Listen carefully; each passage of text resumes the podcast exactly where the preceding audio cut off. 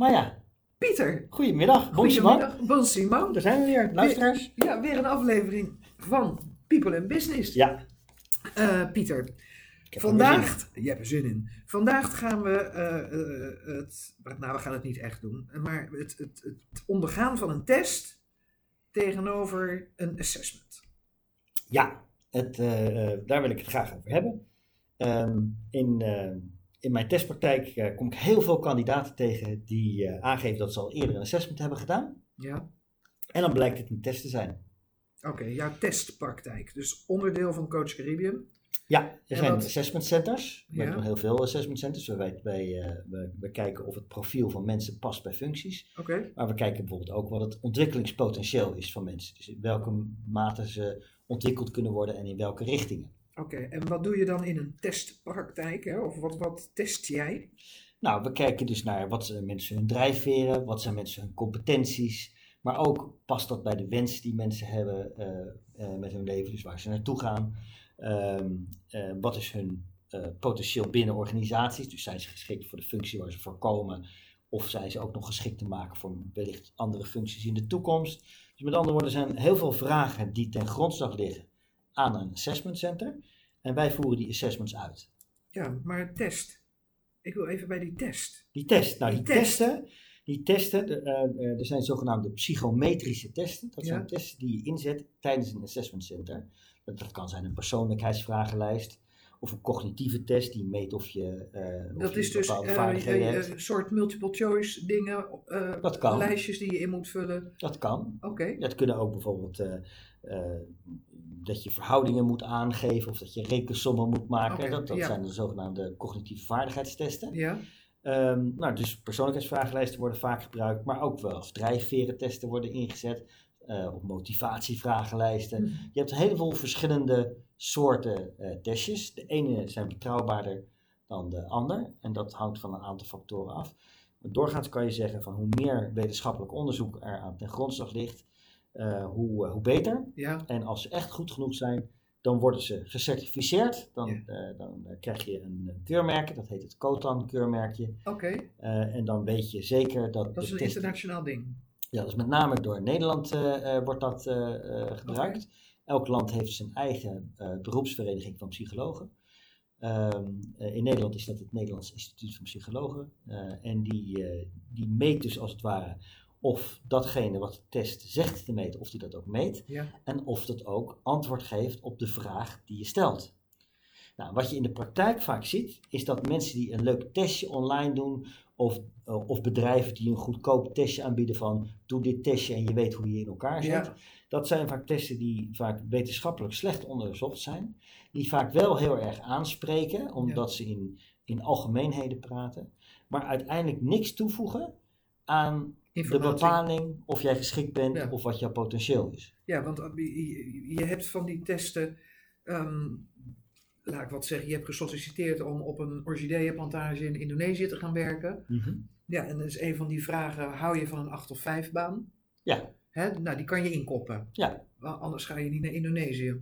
Dus punt 1 is natuurlijk met zo'n test, geef je reële antwoorden. Of, of als het zo simpel is, dan weet je wat ze van je verwachten. Dus dat kruis je aan. ja. Nou ja, dat is is het zwakke ja, punt van zo'n test natuurlijk. ook. Als ja. het geen goede test is. Ja, absoluut. Maar ook bijvoorbeeld eh, op het moment dat jij, eh, dat jij een aantal voorkeuren aangeeft, eh, dat dat dan automatisch betekent dat je die vaardigheid ook hebt. Hm.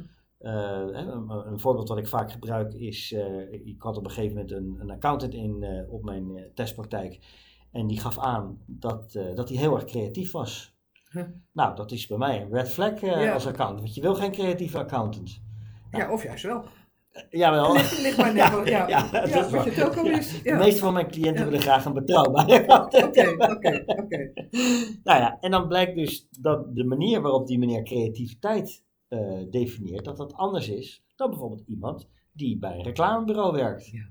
Dat is heel anders. Dus je moet weten als het ware, en daar, daar komt vaak zo'n psycholoog bij kijken, je moet weten vanuit welk kader zo'n kandidaat zo'n vragenlijst invult. Ja.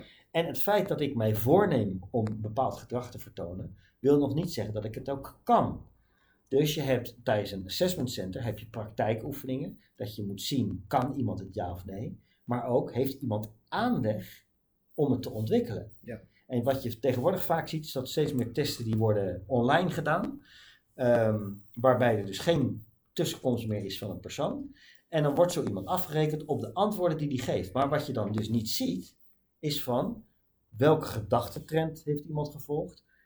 Ondanks het feit dat iemand het antwoord misschien niet goed heeft, heeft hij misschien wel het goede pad bewandeld. Het goede pad bewandeld. Of heeft hij met een kleine hint, kan hij daar wel komen. Dus met andere woorden, een assessment center is vele malen breder en effectiever dan het invullen van een testje. Ja, en als je zo'n assessment hebt, heb je ook één op één contact. Ja. Jij ziet de persoon, je hoort de persoon, je, je, je ziet zijn mimiek, zijn, zijn houding. Absoluut. Dat telt allemaal mee en dat zie je in een testje niet. Exact, dat is, dat is het. En de, dus de, de betrokkenheid van een goede testpsycholoog is onontbeerlijk. En uh, op het moment dat je ergens solliciteert en je krijgt een testje aangeboden, van nou, u heeft een assessment gedaan, dan moet je je afvragen in hoeverre dat betrouwbaar is. Ja. Uh, want dat is het gewoon in de meeste gevallen heel beperkt. Ja, een assessment is dus meer dan alleen een, een, een vragenformuliertje invullen. Absoluut. Het is gewoon, het is gewoon een, een combinatie van uh, een zelfbeschrijving, een beschrijving door iemand die ervoor geleerd heeft, en uh, observaties van wat iemand in de praktijk gaat zien. En dat samen,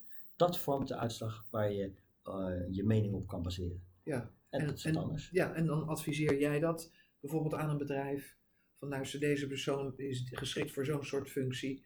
Of dit is niet de geschikte persoon voor de functie die jullie zoeken, zeg maar. Ja. Dat, maar je ja. kan ook bijvoorbeeld denken aan, nou, uh, Maya die, uh, die zit momenteel op de afdeling bloemenpellen, maar het blijkt dat Maya buitengewoon goed is in het plannen van dingen. Dus misschien kan Maya in de toekomst ingezet worden in rollen waar ze kan gaan plannen.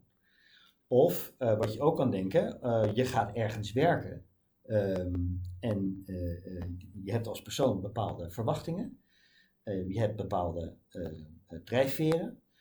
Dat je bekijkt, oké, okay, waar is deze persoon, wat voor soort rollen kan ik deze persoon inzetten in mijn organisatie, zodat de persoon tevreden is. Ja, het naar zijn zin heeft. En ik zoveel mogelijk profijt kan krijgen van de persoon die ik binnenhaal.